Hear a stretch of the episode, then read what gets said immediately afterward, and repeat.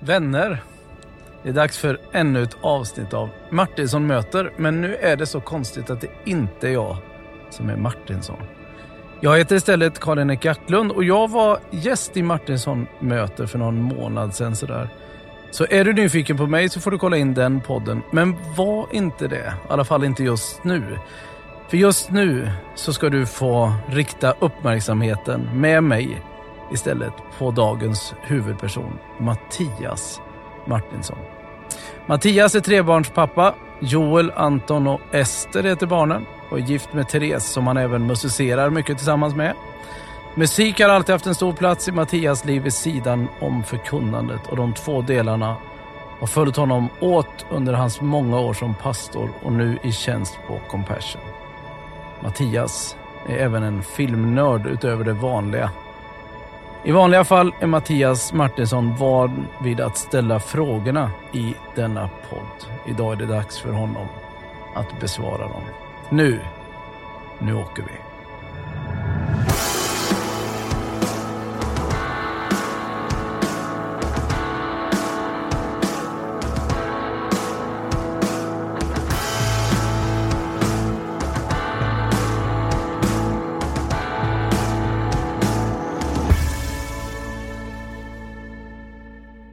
Mattias, välkommen till Jacklund möter, får vi väl kalla detta då. Ja, jätte... Tack så mycket. En, en enda sån podd ska det bli. Sen är det tillbaka mer till det vanliga igen. Sen ska du få ta över rodret på nytt med din fasta hand. Men nu är det dags faktiskt. Det tycker vi. Vi är många som tycker det, Mattias. Att det är dags för lyssnarna att få lära sig lite mer om mannen bakom rösten där i poddetern.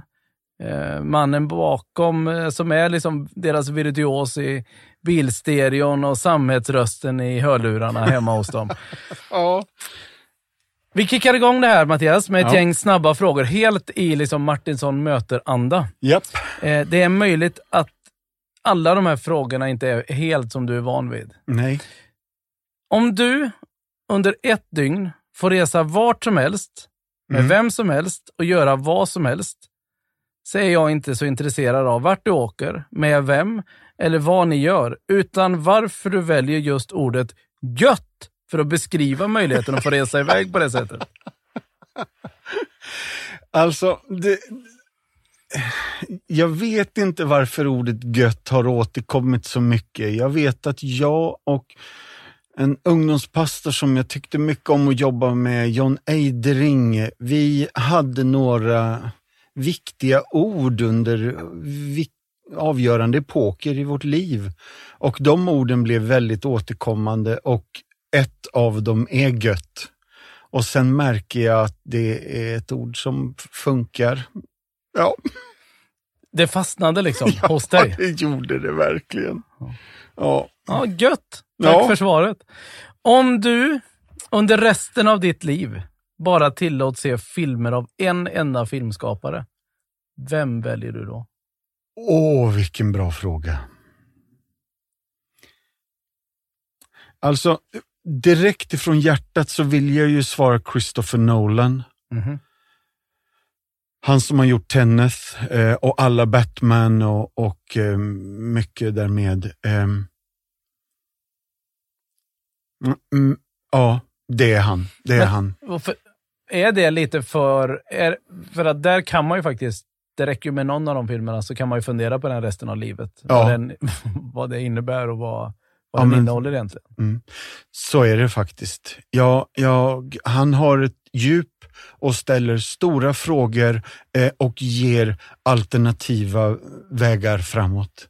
Mm. Eh, men eh, han leder storyn framåt på ett helt magiskt sätt.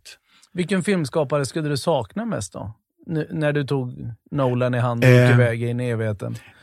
Ja, jag, jag funderade på Peter Jackson. Mhm. Eh, för att jag och eh, flera i min familj är stor fan av Sagan om ringen. Eh, vi gillar Hobbit också, men, eh, men det är ju mer, mer än en dussin film. Men eh, Och sen har ju han även gjort, om du nu skulle få ha Peter Jackson, ja, så har ju han också gjort en del som man verkligen inte vill sitta och titta på i evighet. Nej, men däremot så tycker jag att King Kong har fått oförtjänt lite uppmärksamhet. Mm. Så det känns skönt att få sagt det. Ja, okej. Den ja, gjorde bra. han bra. Du, Ja. utifrån den livserfarenhet du har nu, vilket råd skulle du vilja ge ditt framtida pensionärsjag?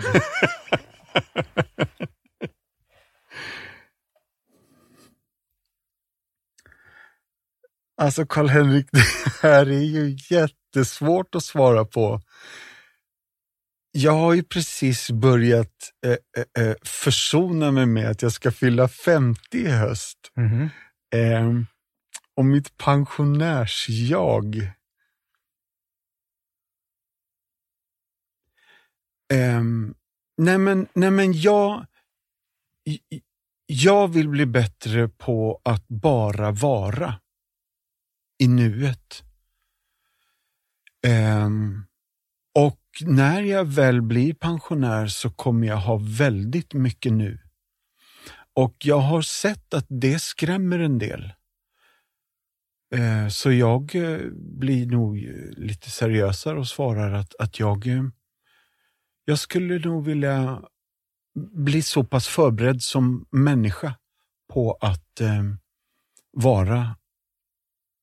Och jag, ja, Vad innebär det då? Vad är, alltså att bara vad är det? Sitta mer i gungstol eller att gå mer på klipporna? Nej, i, i, kanske både ja och, och, och nej. Eh, dels så låter det där mysigt, både gungstol och klipporna. Men risken finns att man är så jagad därför att tiden är så hetsig. Så jag kan sitta på en lunch med min fru men inte riktigt vara där med henne ändå.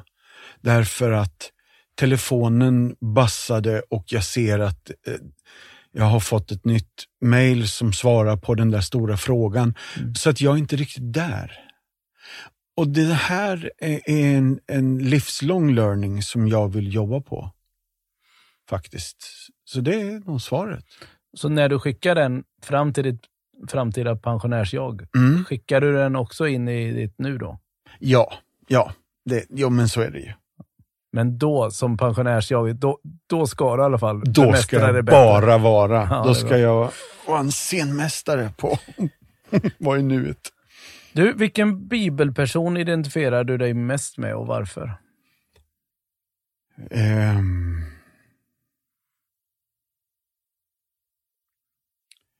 Jag skulle vilja svara läkaren Lukas, men han är för mycket akademiker för mig. Eh, jag eh, skulle nog svara David, men inte kungen med alla ansvar och erfarenheter, utan då är det nog herden David. Liksom. Sångerna, eh, den grejen. Just det. Ja. Och det både i, i liksom sången och även liksom pastorn i honom. Liksom. Ja, jag tror det. Ja. Jag, jag tror det, ja. Ja, det var en bra fråga. Men ett väldigt naturligt och bra svar också. Mm. Om du kunde bli del av ett nuvarande eller tidigare innebandylag, vilket skulle du i så fall välja?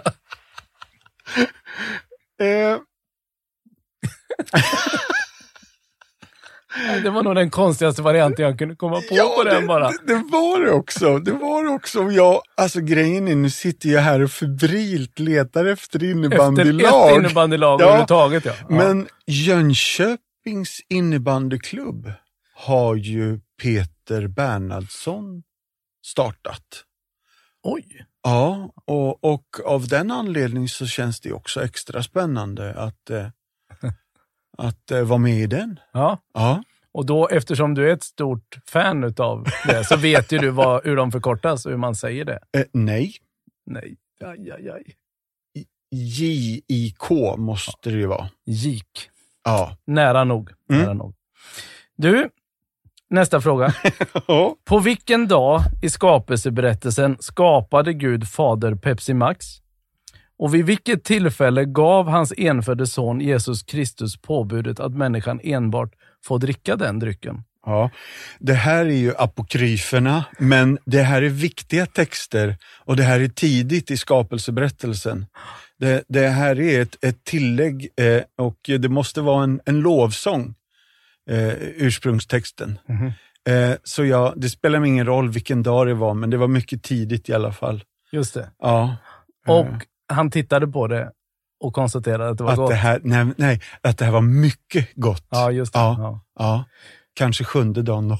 I, i, I och med att du... Att, för jag har tänkt det, att det måste ju nästan finnas med en sån teologisk djup förklaring eftersom, eftersom du är så totalt fokuserad och upptagen. Så att det kändes som att det måste finnas liksom en, en berättelse om, om, om, om hur Gud klev in. Ja, alltså de flesta människor är ju förhållandevis upptagna av sitt kaffe, men de vågar inte eh, eh, eh, svara mot det.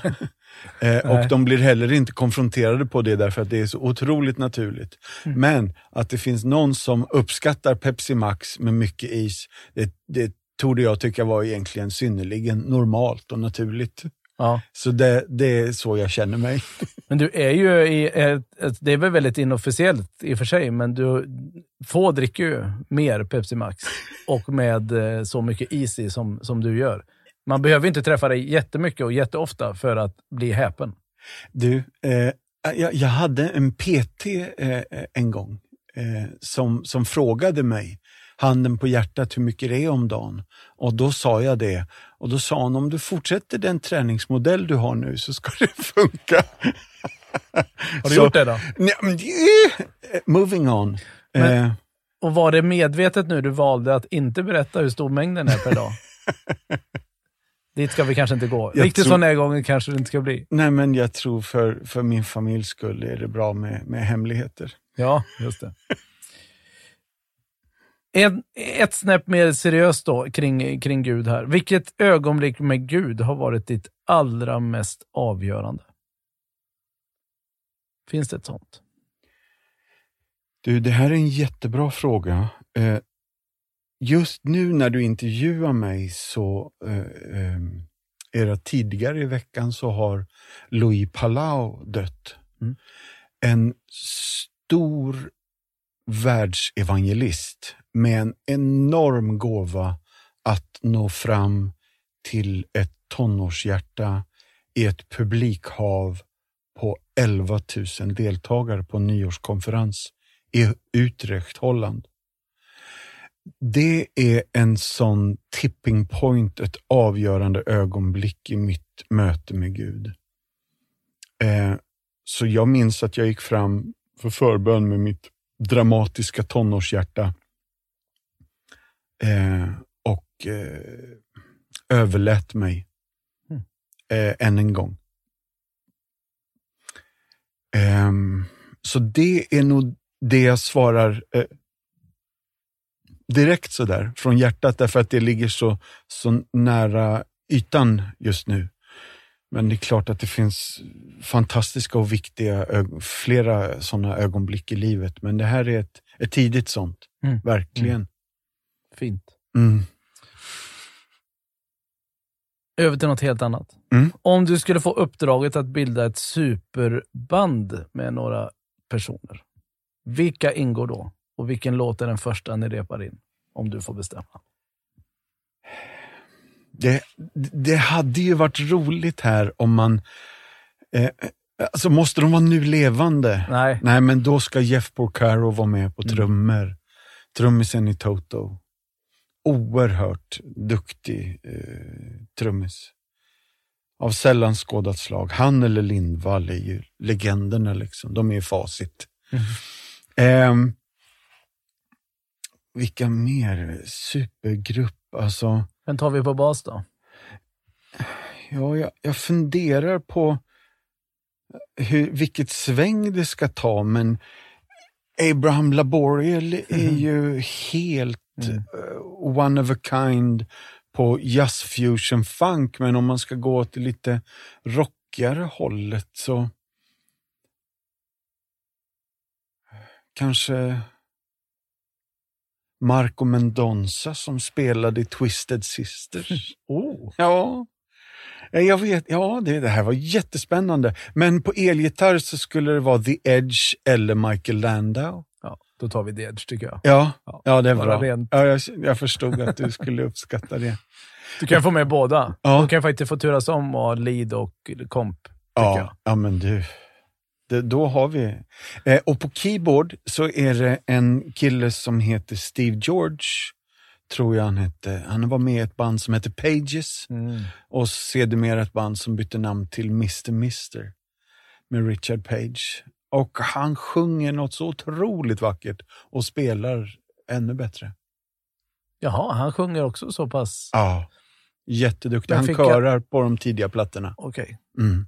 I Ri- Richard Page skugga. Ja. Vilken är den första låten ni repar in då? Kanske något kul med Pages, You need a hero eller någon sån där. Men ska det vara... Ja, nej. Vad gör du i bandet här? Sjunger du eller? ja, jag vet inte. Jag, jag njuter Ja. bara av att eh, se de här tillsammans. Eh, jag kan väl försöka sjunga. Men då får de sänka tonarten lite. Bra. Ja. Vi ser fram emot att lyssna på den där. Framförallt om, om du får med dig Jeff. Det vore ju ändå en, Ja. en knall. ja. Du, har du någon dold icke-talang? Något som folk inte vet om att du är riktigt, riktigt usel på? Ehm, Icke-talang, alltså. Du kan verkligen inte baka bröd. Det går bara inte. Eller något sånt. Det ger dig en innebandyboll och du frågar vad det är. Alltså, det, det, nu, nu hjälper ju du mig här, men det är klart att jag har ju en liten synskada och jag skyller ju jättemycket på den. Så det är klart att bollsporter är ju problematiskt. Alltså. Jag, jag har försökt att, att köra lite volleyboll någon gång var tionde år igen. Eh, men eh, nej, det, är- det är nog en icke-talang också. Så att det är en kombo av att jag är faktiskt inte bra på det och sen ser lite kass. Den har inte gynnats av synproblematik. Är det många volleybollar i huvudet då? Nej, men Under- nej, nej, eh, vi spelade Eleverna mot föräldrarna en gång och då fick jag eh, bollen rakt i planeten. En pappa som fick in en riktig stänkare. Så, så jag, jag föll som en fura. Men du, och, och när du nämner här kring syn, det är så pass att du har aldrig kunnat eller vågat ta körkort? Eh, hade jag satt igång då när jag var 16, 17, 18 så hade jag kunnat haft det. Eh, I övrigt så har jag väl i så fall sett som enögd i trafiken. Eh, men min avståndsbedömning är riktigt illa. Så är det. Så att jag tror att majoriteten av problemet är att jag faktiskt är lite rädd. Mm. Ja, sådär.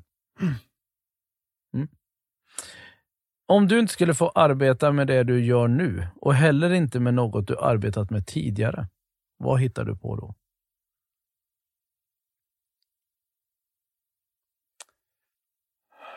Um, nu är det ju coronatider när du frågar, så då ska man väl liksom, uh, man skulle vara coronaexpert, men, men, uh, men om det ska vara vad jag verkligen...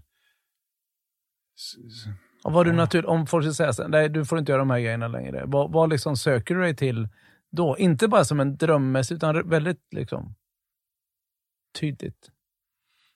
Jobbar du i musikaffär? Det hade varit roligt, men du, ja, jag hade nog velat vara reseledare i Israel. Mm. Ja. Det är oerhört nära pastorsyrket Ja, jag vet. Ja, Så jag ja. vet faktiskt inte om jag Mm. accepterar det Nej. Nej. Nej. eh, ehm, Du får då- hålla dig till Mm. helt profana resor Kanske i skulle Israel vilja då. vara bagare i Betlehem då. Ja, just Mm. det. Det hade varit fränt.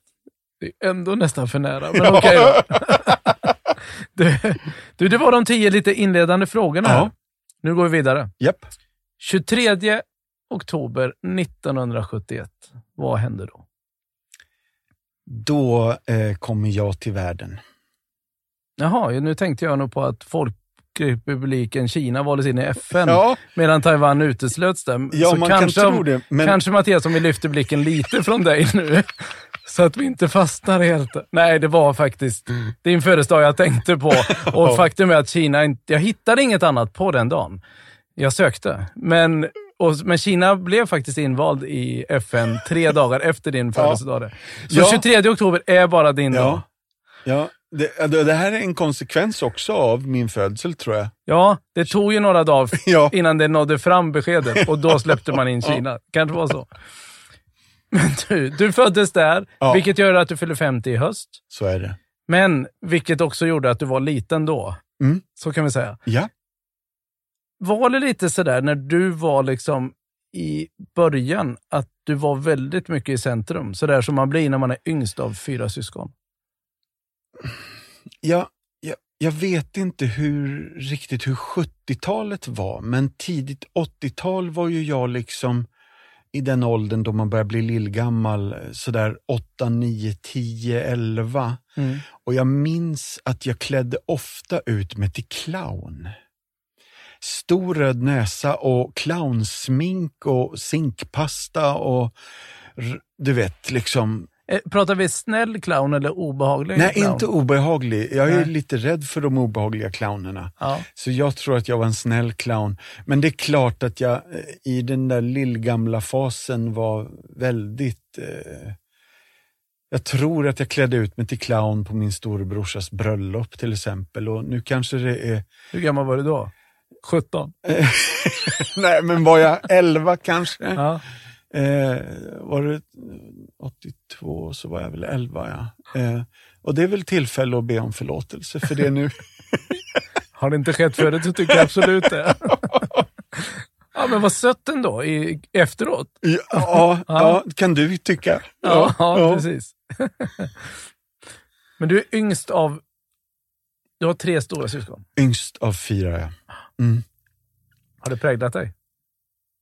Eh, alltså, ja men det är klart det, det gör. Det, det är klart det gör. Alltså, det är ganska, mellan mig och min äldsta syster så är det ganska, ganska långt. Mm. Så hon är väl född 59 om man vågar avslöja det och brorsan är 62 och Åsa är, är hon 66. Så det är fem år mellan oss och mig. Så det är klart att det har präglat. Ja. Ja, absolut. Du, tillåt mig måla upp en, en scen. Mm. Det är vintern 1973 och en liten parvel på två år går runt i blöja och stövlar i ett radhus, radhusområde i Järfälla.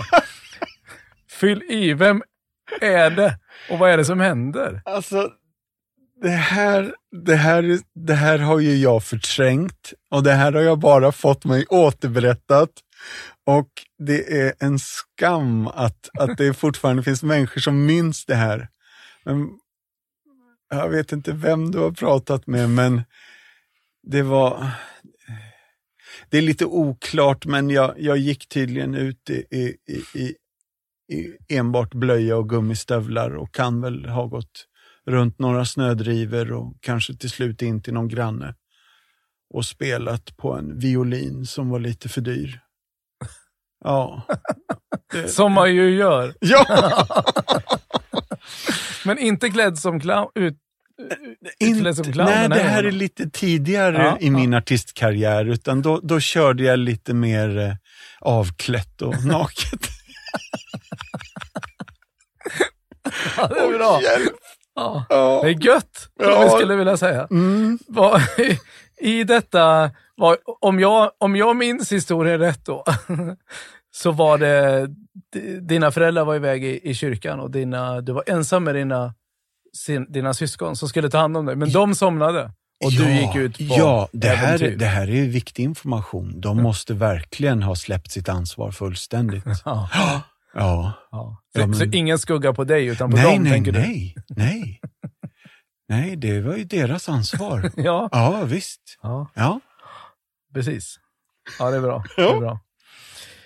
Du, du är verkligen infödd i och uppvuxen i kyrkan. Alltså i princip bokstavligen. Ja, eh, ja absolut. Va- Först så började vi i Järfälla. Mm. Missionskyrkan i Jakobsberg. Ja. Ehm, och hela kyrkan eh, sluttar lite.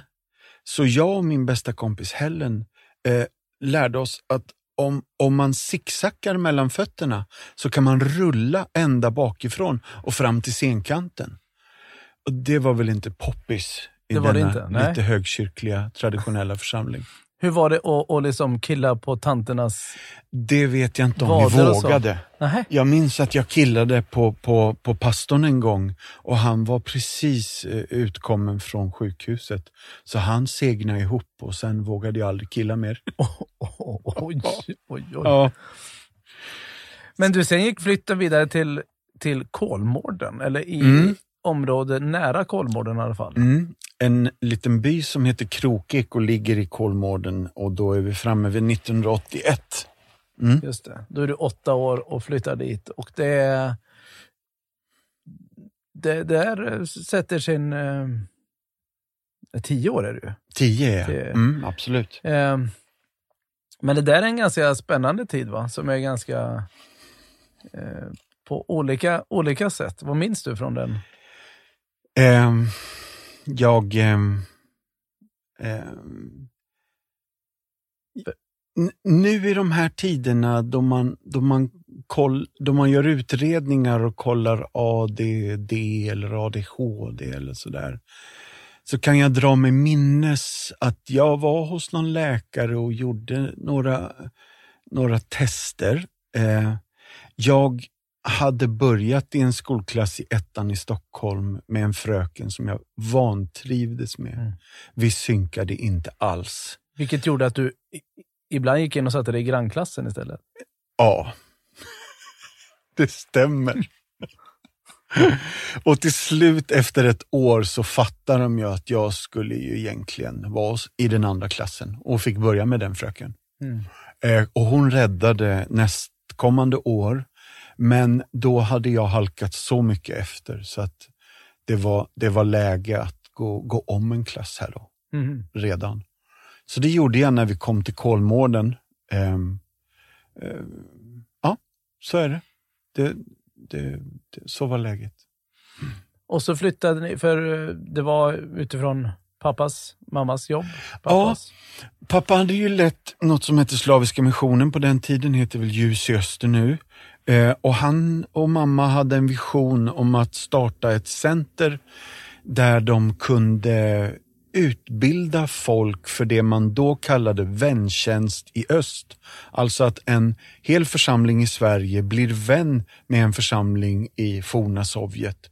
Och så skickar man brev till varandra och så kanske man kan mötas över gränserna och åka dit och hälsa på. Och sådär. Eh, Så det jobbade pappa med. Och eh, Så därför flyttade vi och de startade en kursgård där. Just det. Mm. Men du trivdes i, alltså kyrkan var liksom populär hos dig? Ja, men det var, det var, det var mysigt. Ja, det föll sig liksom bara väldigt naturligt att det var där man hängde, både som, som barn och sen blivande tonåring. Det var Pingstkyrkan i Krokek som gällde och sen började jag ta bussen in till Norrköping. Ja. Det var den värld du, du kände till liksom och du, Ja. och du tyckte om den. Ja, Och du var enligt citat mycket populär bland tjejerna i pinkyrkan där. du, Vad var det de charmades av?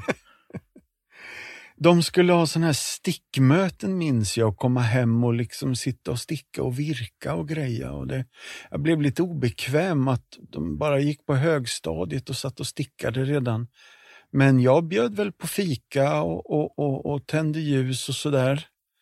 Jag vet inte eh, jag vet inte riktigt varför. Det är en annan tid alltså när man hör om tonårstjejerna som kommer hem och sitter och stickar. Ja, men det var det- nog lite ovanligt det här också. Redan, redan då. Ja. Ja, just det. Så du, du, du skärmades, de skärmades mer av dig än du av dem då? Nej men vi hade jättekul. Ja. Vi hade jättekul. Det fanns inte så många killar i Krokek, så det var jag och min västis Robert. Eh, Så du menar att det var lätt att bli populär? Ja, Ja. så. Ja, Och nu menar jag alltså i kyrksfären, i det gänget. Så. ja just det. Ja. Du, om vi, om vi liksom håller oss i samma sfär men ändå går vidare uppåt lite. Mm. Om jag säger Flahults bibelskola, vad säger du då? Mm. Det var spännande veckor. Eh, det, det, det var det. Det finns en dubbelhet här va? Jag vet inte riktigt vad du vill att jag ska säga. Ska jag erkänna hur det var eller ska jag säga att det var, det var, det var jättefina... Det var en sommarbibelskola och eh, i efterhand kan jag väl förstå att jag var kanske då helt enkelt lite för ung för att åka iväg på något sånt. Eh, det var som en kristendomsskola i tre veckor. Men du uppskattade det va? Alltså jag trivdes ju jättebra, det, det gjorde jag ju. Eh. Följdfrågan var, trivdes personalen lika mycket med dig? jag har en god vän som senare i livet har fått eller han ställde frågan till, till rektorn på skolan, har ni aldrig behövt skicka hem någon? Eh, varpå rektorn svarade, nej men det är en vi ångrar att vi inte skickar hem. Så är det faktiskt. Vad höll du på med egentligen? Ja, men, ja, men vi hade jättekul på nätterna alltså.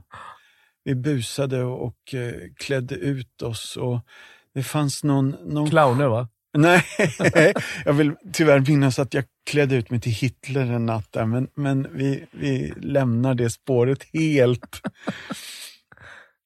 du skulle bara ha dröjt kvar vid clown alltså? Ja, ja. Så här. ja men det var, det var det högsta straffet för något dumt man gjorde var att man städade toaletterna. Och det gjorde jag i, i tre veckor enligt legenden så skickade du ett vykort hem om det och säga att du hade det bra och att du städade toaletterna hela tiden. Ja. Så det var väl, ett, en, det var väl helt enkelt det du berättade då. Ja, det här är bra. Hjälp. Du, i nästa, när du växer till här sen, så är det lite svårt att hitta information kring vad du gick på gymnasiet. Ja. Vad beror det på? Det stämmer. Um, jag sökte till eh, en gymnasielinje och eh, mina betyg gjorde väl helt enkelt att jag inte kom in där. Jag kunde spela och jag kunde sjunga och jag kunde både traktera flera instrument redan, men, men eh, det var så många 71 som eh, som det året eh, skulle in. Så att jag, jag fick inte plats. Och då ville det sig inte bättre än att några av mina bästa vänner i den ungdomsgruppen där jag hade börjat röra mig, de säger bara By the way, men Martinsson, vi ska dra iväg på bilskola på Götabro utanför Torp. Eh, häng på! Och, och så blev det så kan man väl säga. Mm. Eh, rakt på där efter högstadiet. Um, så det blev BB-skola och evangelisttjänst ganska snabbt? Ja, eh, det blev eh, evangelistkursen hette bibelskolan till och med, så det var ju väldigt riktat på att man skulle ut i tjänst. Och ganska snabbt också får man ju säga, för att vara ja, 16, 17 liksom. Mm. Så första året så gick jag bibelskolan och sen åkte jag hem och jobbade på det som då hette Libris bokhandel i Norrköping. Mm. Tillsammans med Sune och Eva Nordin som var en bra mentor under det där året. Mm. Eh, och sen åkte jag tillbaka, gick ytterligare ett år eh, och då eh, började jag jobba som evangelist. Så var det. Men du, de flesta skulle ju välja, i, om man liksom inte kommer in på sitt första val, att kanske titta om det finns något annat. Men det blev liksom inget, varken det året eller de upp, Ja, efterföljande år? Nej, men jag pratade med någon om det här igår och på fullaste allvar, när man väl hade börjat på bibelskolan, fångats av vad det här ärendet, mm. det här livsviktiga innebar, med den tonårsiver som också liksom finns i det här, så var det ju liksom, nej men vi har inte tid med gymnasium nu. Jesus kommer tillbaka och det här budskapet är angeläget. Yes. Ja, så, så Ja, så. Ja, men det är bra. Det är fint. Mm. Men och där någonstans har du väl, du har förblivit på något sätt va? I den liksom iven och även om givetvis tidsperspektiven och saker ändras och man, det liksom fördjupas. Men, men mm. liksom i den innerligheten som du fanns. Du, har du haft något egentligen liksom brott, någon sån här krisperiod? Nej. I, i, inte, inte i min tro eller i min kallelse, i min övertygelse, utan det har funnits kriser i, i livet, men, men inte, inte i fråga om vem Gud är och eh, vilket ärende mitt liv ska ha. Nej. Ingen Det- sån här det som göra upp med period med sin barn eller tonårs... Det, jag hoppas ju någonstans att, att, man, att man har moglat längs vägen, givetvis. Um, det, det jag väl kan känna var att um, i, i samma veva som jag kom in på Götabro, eller kom in, det var inte så svårt att komma in. Uh, I samma veva kom jag i kontakt med Vineyardrörelsen. Det kom en pastor ifrån USA med en ungdomsgrupp på 40 ungdomar. Först några veckor på Björngårdsvillan i Slottsskogen och sen några veckor runt om i svenska kyrkor och i frikyrkor i Stockholmsområdet. Och de hade ingen trummis till sitt lovsångsteam så jag fick hänga på och lira med dem. Och när jag kom in i, i deras gäng och i deras tänk och i deras flow liksom, så kände jag mig kanske för första gången som fisken i vattnet.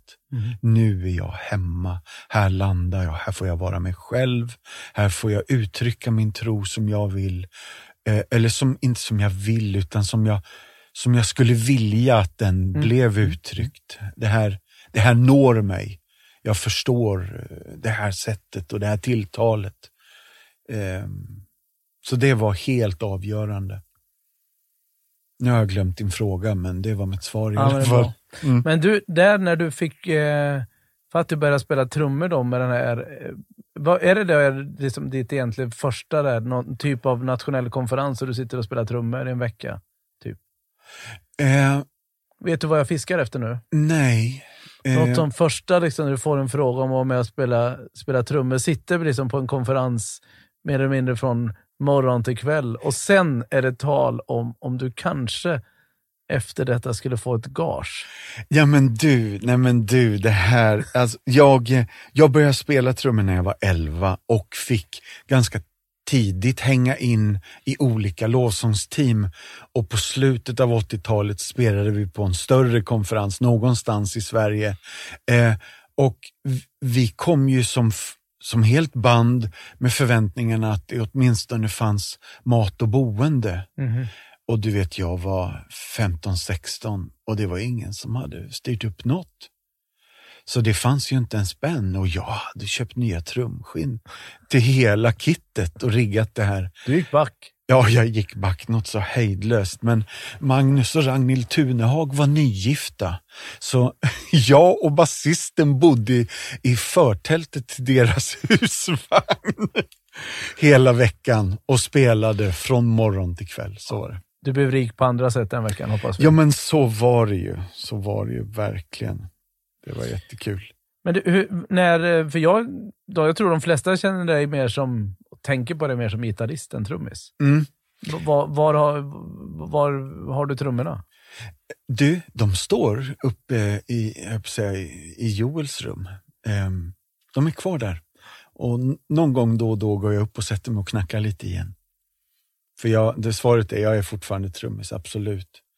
Men när jag började som evangelist, så eh, killen jag jobbade ihop med var duktig på att plinka eh, och lärde mig några fler låtar än just den enda repertoar jag hade som var House of the Rising Sun, som min brorsa hade lärt mig.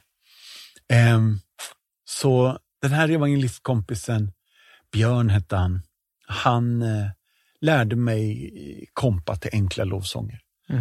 Eh, och i den här vevan så började jag lite med piano också så att eh, man kunde. Det är klart, ska man ut som evangelist och stå så är ju uh, trummorna är ju inget superinstrument då om man ska vara det, är, själv. det är jättekämpigt på RPG-träffen om det är Ja. det man gör. Ja. Då har man Ja. inte många Framför med sig. allt när man har dressat upp sig som clown. Ja, just det.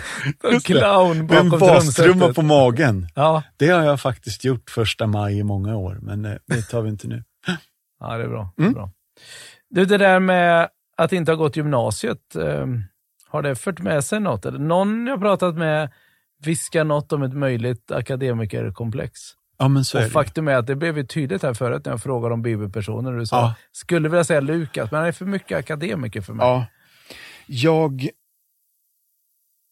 märker ju att jag kan plugga, ehm, men att jag inte riktigt har fått eh, eh, utrymme eller tid eller verktyg eller nycklar eller ledstänger för att kunna skapa en god studiemetodik eh, och motivationen hålls då sällan uppe.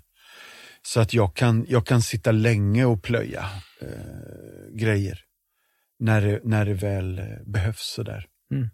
Men ehm, ja, lite svaret är ja. Vi släpper det med det. Ja. Du, vi måste faktiskt nämna här nu någonting om din, din pappa. Ja. Du, hur gammal var du när, när din pappa dog? Han dog 2006, så jag var 35. Ja. Hur gammal var han? Han var 72 eller skulle i alla fall fylla 73. Ja. Mm. Han betyder mycket för dig. Så är det ju. Både mamma och pappa oerhört avgörande i, i livet. Ehm, och, och det var ju lite tidigt helt enkelt. Ja. Så var det ju. Han... ehm, ja men... eh, han har ju varit en stor förebild och en, en modell för, för mycket. Mm. Så är det ju. För många. Ja. Det var hans årsdag nyss och jag la upp en liten tanke på Facebook bara och jag, man överväldigas lite av hur många som, Mm. som minns och också känner en tacksamhet och också har blivit sedda Ja. sådär. Gamla gubbar som nu är pensionärer och som säger att han var, han såg mig när jag Mm. var i den där åldern då behövde bli sedd och utmanade oss att våga växa i tro och Mm.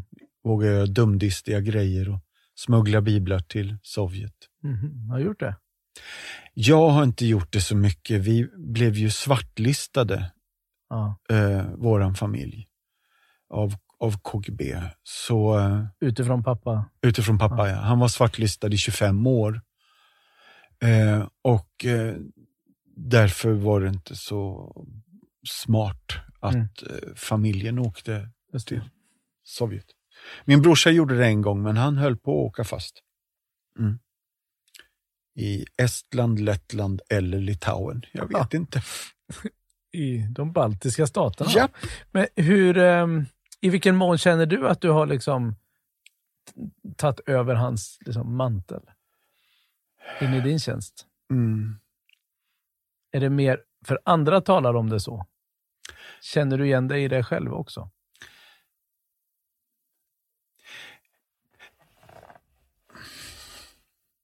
Andra talar om det så. Jag har inte riktigt sett det så. Jag, jag märker att vi fyra syskon har fått väldigt mycket gott med oss. Och jag ser att vi har valda delar av den här godheten och visionen liksom strödda över oss alla fyra. Och eh, har jag en fjärdedel av det. Ja. Finns en berättelse om din pappa och en minibuss.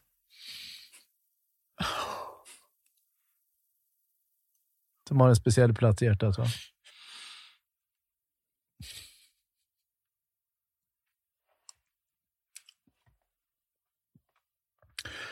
Orkar du berätta? Ja, ja. Annars väntar vi lite bara. Mm. Alltså det, jag, har ju, jag har ju berättat det här när jag predikar och då, då är det aldrig några problem. um, jag tror att pappa märkte väl att, att, um, att vi behövde liksom connecta, komma närmare varann och mötas lite. Och uh, Det var väl vid, vid aftonbönen som vi fick de där tillfällena. Och eh, vid något tillfälle så, så yttrade jag väl tydligen att, att jag tycker att Gud är, är, är frånvarande. Um, och då, jag vet inte om det var han eller jag som tyckte att vi skulle försöka skapa ett eh, eh jag vet inte vad det heter, men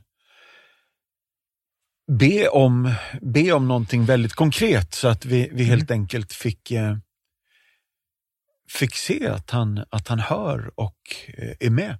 Mm. Och eh, ett behov som vi kunde se var att eh, eh, det fanns inga pengar till att köpa en folka, eller en buss, en minibuss till eh, mina föräldrars kursgård. Mm. och vi började då be för det här. Jag är väl i tio års ålder nu då. Och eh, efter några veckor så säger pappa i alla fall att jag konfronterade honom kring det här och tyckte att Gud skulle svara nu. Och han säger att Nej, men då, då ändrar vi liksom vår bönestrategi. Och så gjorde vi det under en tid och sen en lördagmorgon vid åtta så väcker han mig. Jag ligger och sover längst uppe på övervåningen och så säger han, titta ner på gården.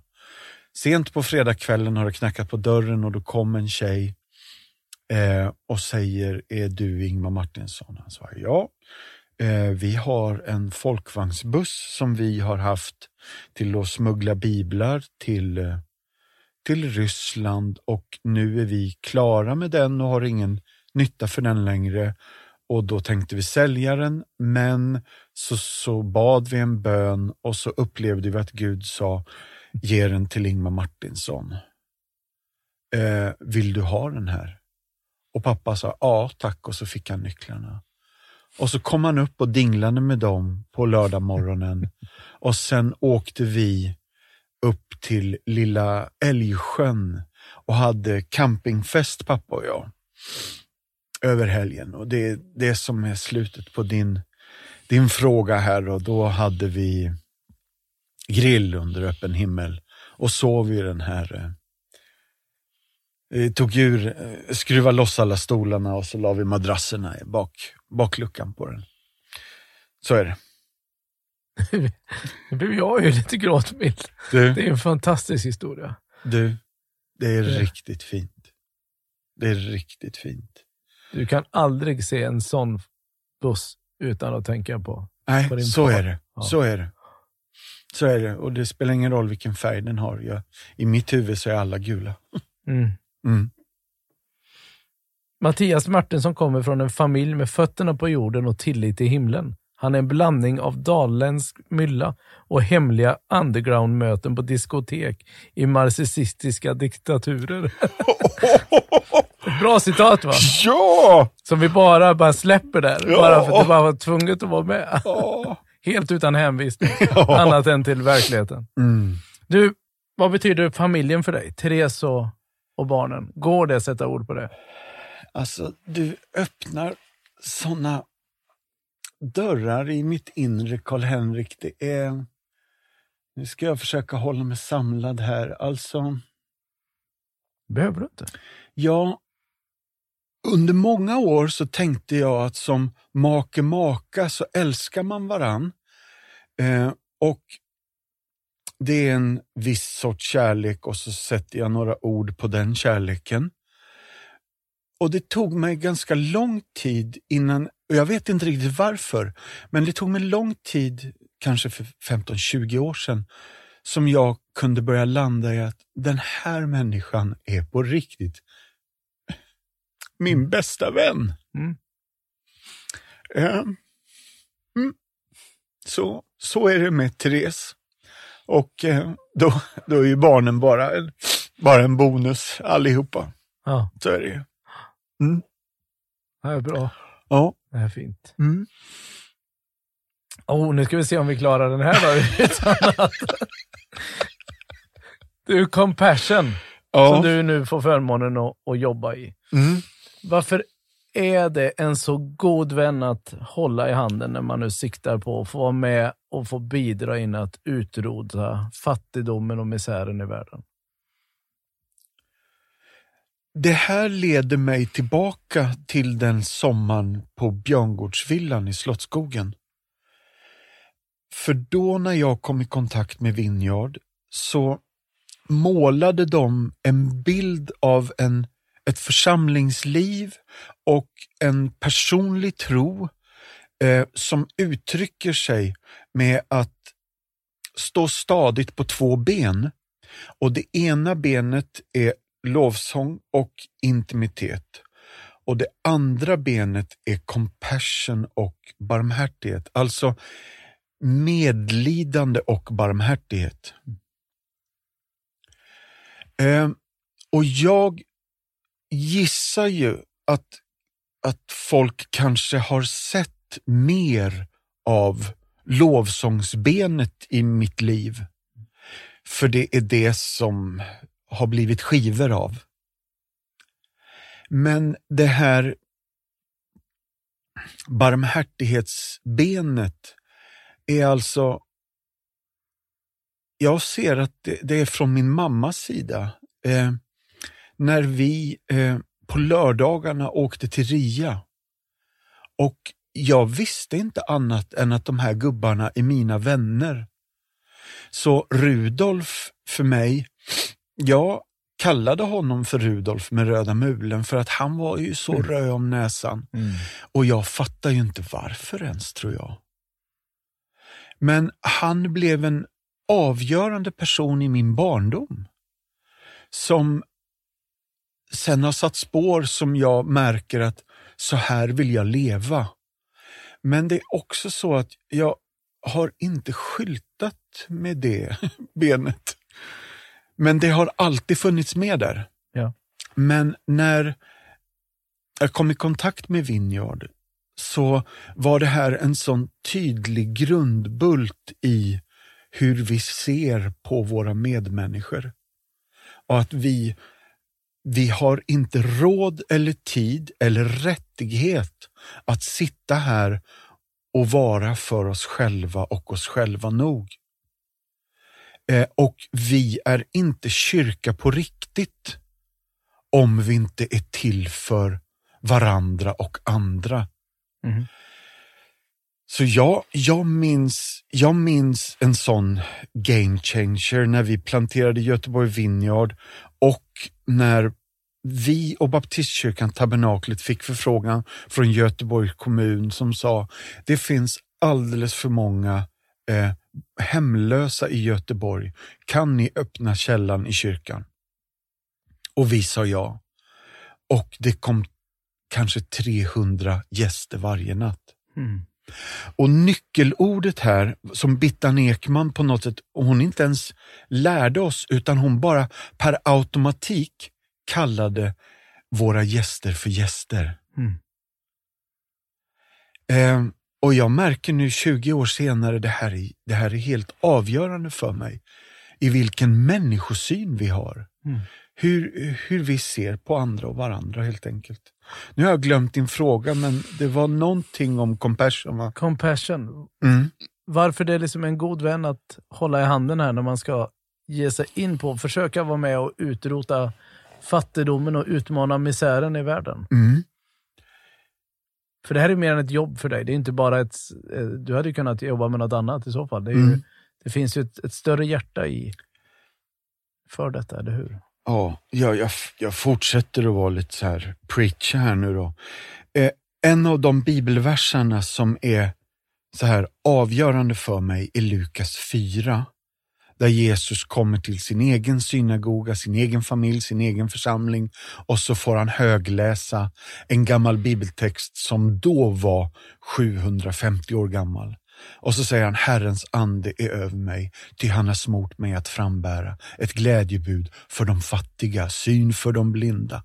Och så fortsätter han och det är jubelår och det är läkedom. Mm.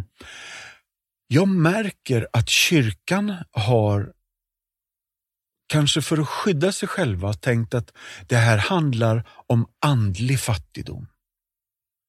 Och så har man inte försvarat, jag har aldrig hört sådana här försvar, utan hur våra praktiker har varit helt enkelt. Så har det varit att vi räddar människor från andlig fattigdom. Det är liksom våran stora grej. Eh, där jag sen jag kom i kontakt med Vineyard ser att, att det sociala eh, eh, går hand i hand mm. och har en växelverkan. Det är ett mynt och varsin sida av myntet och det går inte att skilja det ena från det andra. För det ena blir inte begripligt. Den andliga sidan blir inte begriplig om vi inte visar vårt sociala ansvar. Och det sociala engagemanget och ansvaret blir inte heller liksom helt enkelt kristet om vi inte ser mm. att vi gör det här i Jesu namn. Och där, där är compassion fullständigt enastående, tycker jag. Mm. Att, att det, här, det här går hand i hand. Vi kan inte skriva på vår hemsida hur många som kommer till tro i vårt arbete. Men, men det sker, jag, jag kan inte riktigt säga hur ofta det är. Men det är många gånger i timman. Mm. Så det, det här, den här växelverkan mm. är liksom min väg framåt och också svaret på varför jag tror att det är möjligt att uträtta, utrota eh, fattigdom och, uträtta underverk eh, genom att klä den fattige, förse änkan med gemenskap och ta hand om den hemlöse och flyktingen. Mm. Allt det här som Gamla Testamentet är supertydligt med och som Jesus inte någon gång gör avkall på. Tvärtom. Ja hela huvudpoängen med, med bergspredikan är ju detta. Ja. Att lyfta fram de, de, de fattiga och säga nu, nu tar resten av universum ansvar här. Mm. Så är det bara. Och nu är jag igång. Men mm. Lukas evangeliet, min absoluta favorit, han, han gör ju, en av hans största saker genom hela evangeliet är att lyfta fram den fattige. Att lyfta fram kvinnor som är förbisedda, att lyfta, lyfta fram lytta och barn. Mm. Så hela tiden är, är, han så medveten om hur han gestaltar Jesu person. Mm. Och det här behöver återspeglas i våra kyrkor och därför jobbar jag med Compassion. Ja, det är bra. Ja. Det är bra Mattias. Hur, och och om man vill gensvara på detta som enskild nu som lyssnar, då går man in på Compassion. Ja. Compassion.se. Ja. Och signar upp sig och blir fadder helt enkelt. Ja. Och blir en del utav detta. Ja, och, och det jag tycker är en, en USP i Compassion är att, att man inte bara eh, eh, ger 310 kronor i månaden och så har man gjort det. Mm. Utan man kan om man vill få direktkontakt med det fadderbarn man har. Så det är en till en. Eh, och Det här gör att missionsarbetet och missionsiven blir personlig. Mm. Jag har vänner som eh, på något sätt tar ett fadderbarn i sina egna barns ålder så att fadderbarnen och de egna barnen ska kunna följas åt upp i åldrarna. Mm. Så att de ska kunna få se vilken på riktig förändring vi gör ute i fält. Inte bara att vi, vi skickar 310 kronor i en stor pott någonstans i universumbanken eh, och sen portioneras det ut. Och jag, jag säger inte emot sånt arbete, men jag är mer för att folk ska faktiskt kunna se vilken förändring det blir av de pengarna vi, vi sätter in. Det är bra. Ja. Så svaret är ja, gå in på hemsidan. Ja. Det finns barn där och på grund av corona så har vi som Compassion lovat att ta ansvar för ytterligare fler barn än vad vi vanligtvis hade gjort i det här läget. Så över 200 000 barn extra finns i, i våra, våra rullar så att säga. Och de har redan vårt support och vårt stöd. Men de behöver faddrar nu. 200 000 barn extra. Japp. Det säger någonting om, om hur stort arbetet är och hur Ja. stor nöden är. Ja, så är det. Mm. Och ja, nej, jag, jag, kan, jag kan fördjupa det här hur länge som helst, men mm, Det är bra. Får vi göra ett tvärt kast precis nu när vi går in för landning? ja, Och bara be om några snabba till. ja. Jag bara vill att du kommenterar. Tack och hej, leverpastej. Det, ja, det kan. Jag tror att du har pratat med någon i den andra församlingstjänsten jag hade. Jag började i Oskarshamn. Det blev en väldigt kort sejour. Sen flyttade jag till metropolen Rumskulla utanför Mariannelund. Och där bodde jag ensam med kossor till grannar. Eh, och kyrkan hade en gigantisk, inte så här stor som rullbandan här, men en gigantisk telefonsvarare. Och man var tvungen att plugga i en mick på framsidan och så skulle man spela in ett meddelande.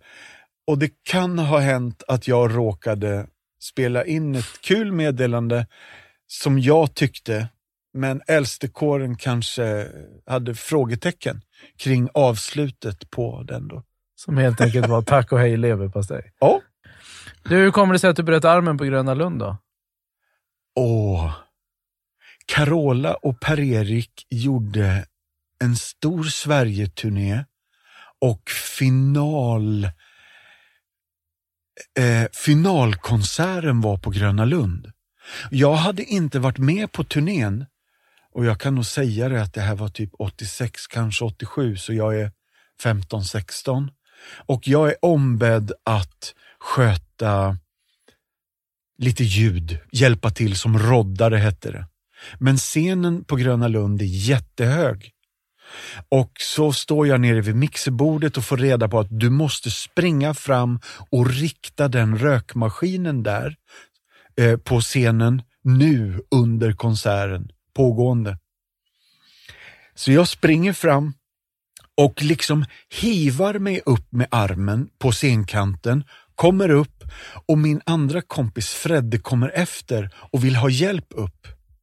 Vad jag inte tänker på i stressen är att trots min vikt så är ju han lägre än vad jag är, vilket gör att gravitationskraften gör sitt. Så istället för att han kommer upp så kommer jag ner som en pannkaka med armen före. Eh, mitt i gigget så eh, gick den sönder. Spräckte hakan också. Ja, det var riktigt, förlåt. riktigt dålig final på, på turnén faktiskt.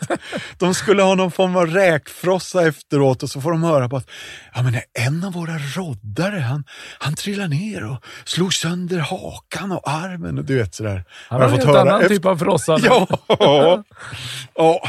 Men du, ifrån den, i den smärtan där är det inte långt till, till liksom falsetten.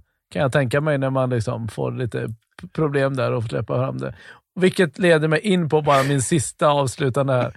För det påstås att du har en, i din, liksom, när dina stora syskon och så började flytta hemifrån och du fick mer ensam tid också, så lärde du dig hela den här Askungen-sången och sjunger den gärna i poddar. I falsett. Stämmer det? Nej, det Stämmer stämmer, det att du nej, kan det stämmer inte. Det stämmer att jag kan den. Det stämmer att jag inte sjunger den längre eh, för, för samhällets ve och väl. Eh, men däremot så kan jag dra en rolig anekdot om den där. Eh, för Björn Hedström jobbade på en tv-kanal och så ringer han och så säger han Du, det där du gjorde på julfesten när du sjöng Askungen i falsett. Kan inte du ta på dig en slips, komma ner till Nordstan för Pernilla Wahlgren ska göra eh, något tv-program på kanal 5 och ditt inslag kommer slå. Hur länge sedan är detta? Ja, men det här är ju när Moses gick i shorts alltså. Det är inte i Wahlgrens värld Nej, här, nej. här om året. Nej. Och, så jag tar på mig en slips och vit skjorta och åker ner och känner, jag gör det här för Björns skull. Och mycket riktigt, jag kommer dit, inte ett ont anande och alla andra som är där är superseriösa. Alltså de går ju in i detta med blodigt allvar, hull och hår och de har ju förberett sig till tänderna. Så hela programmet får en helt annan vinkel än vad det var tänkt att vara.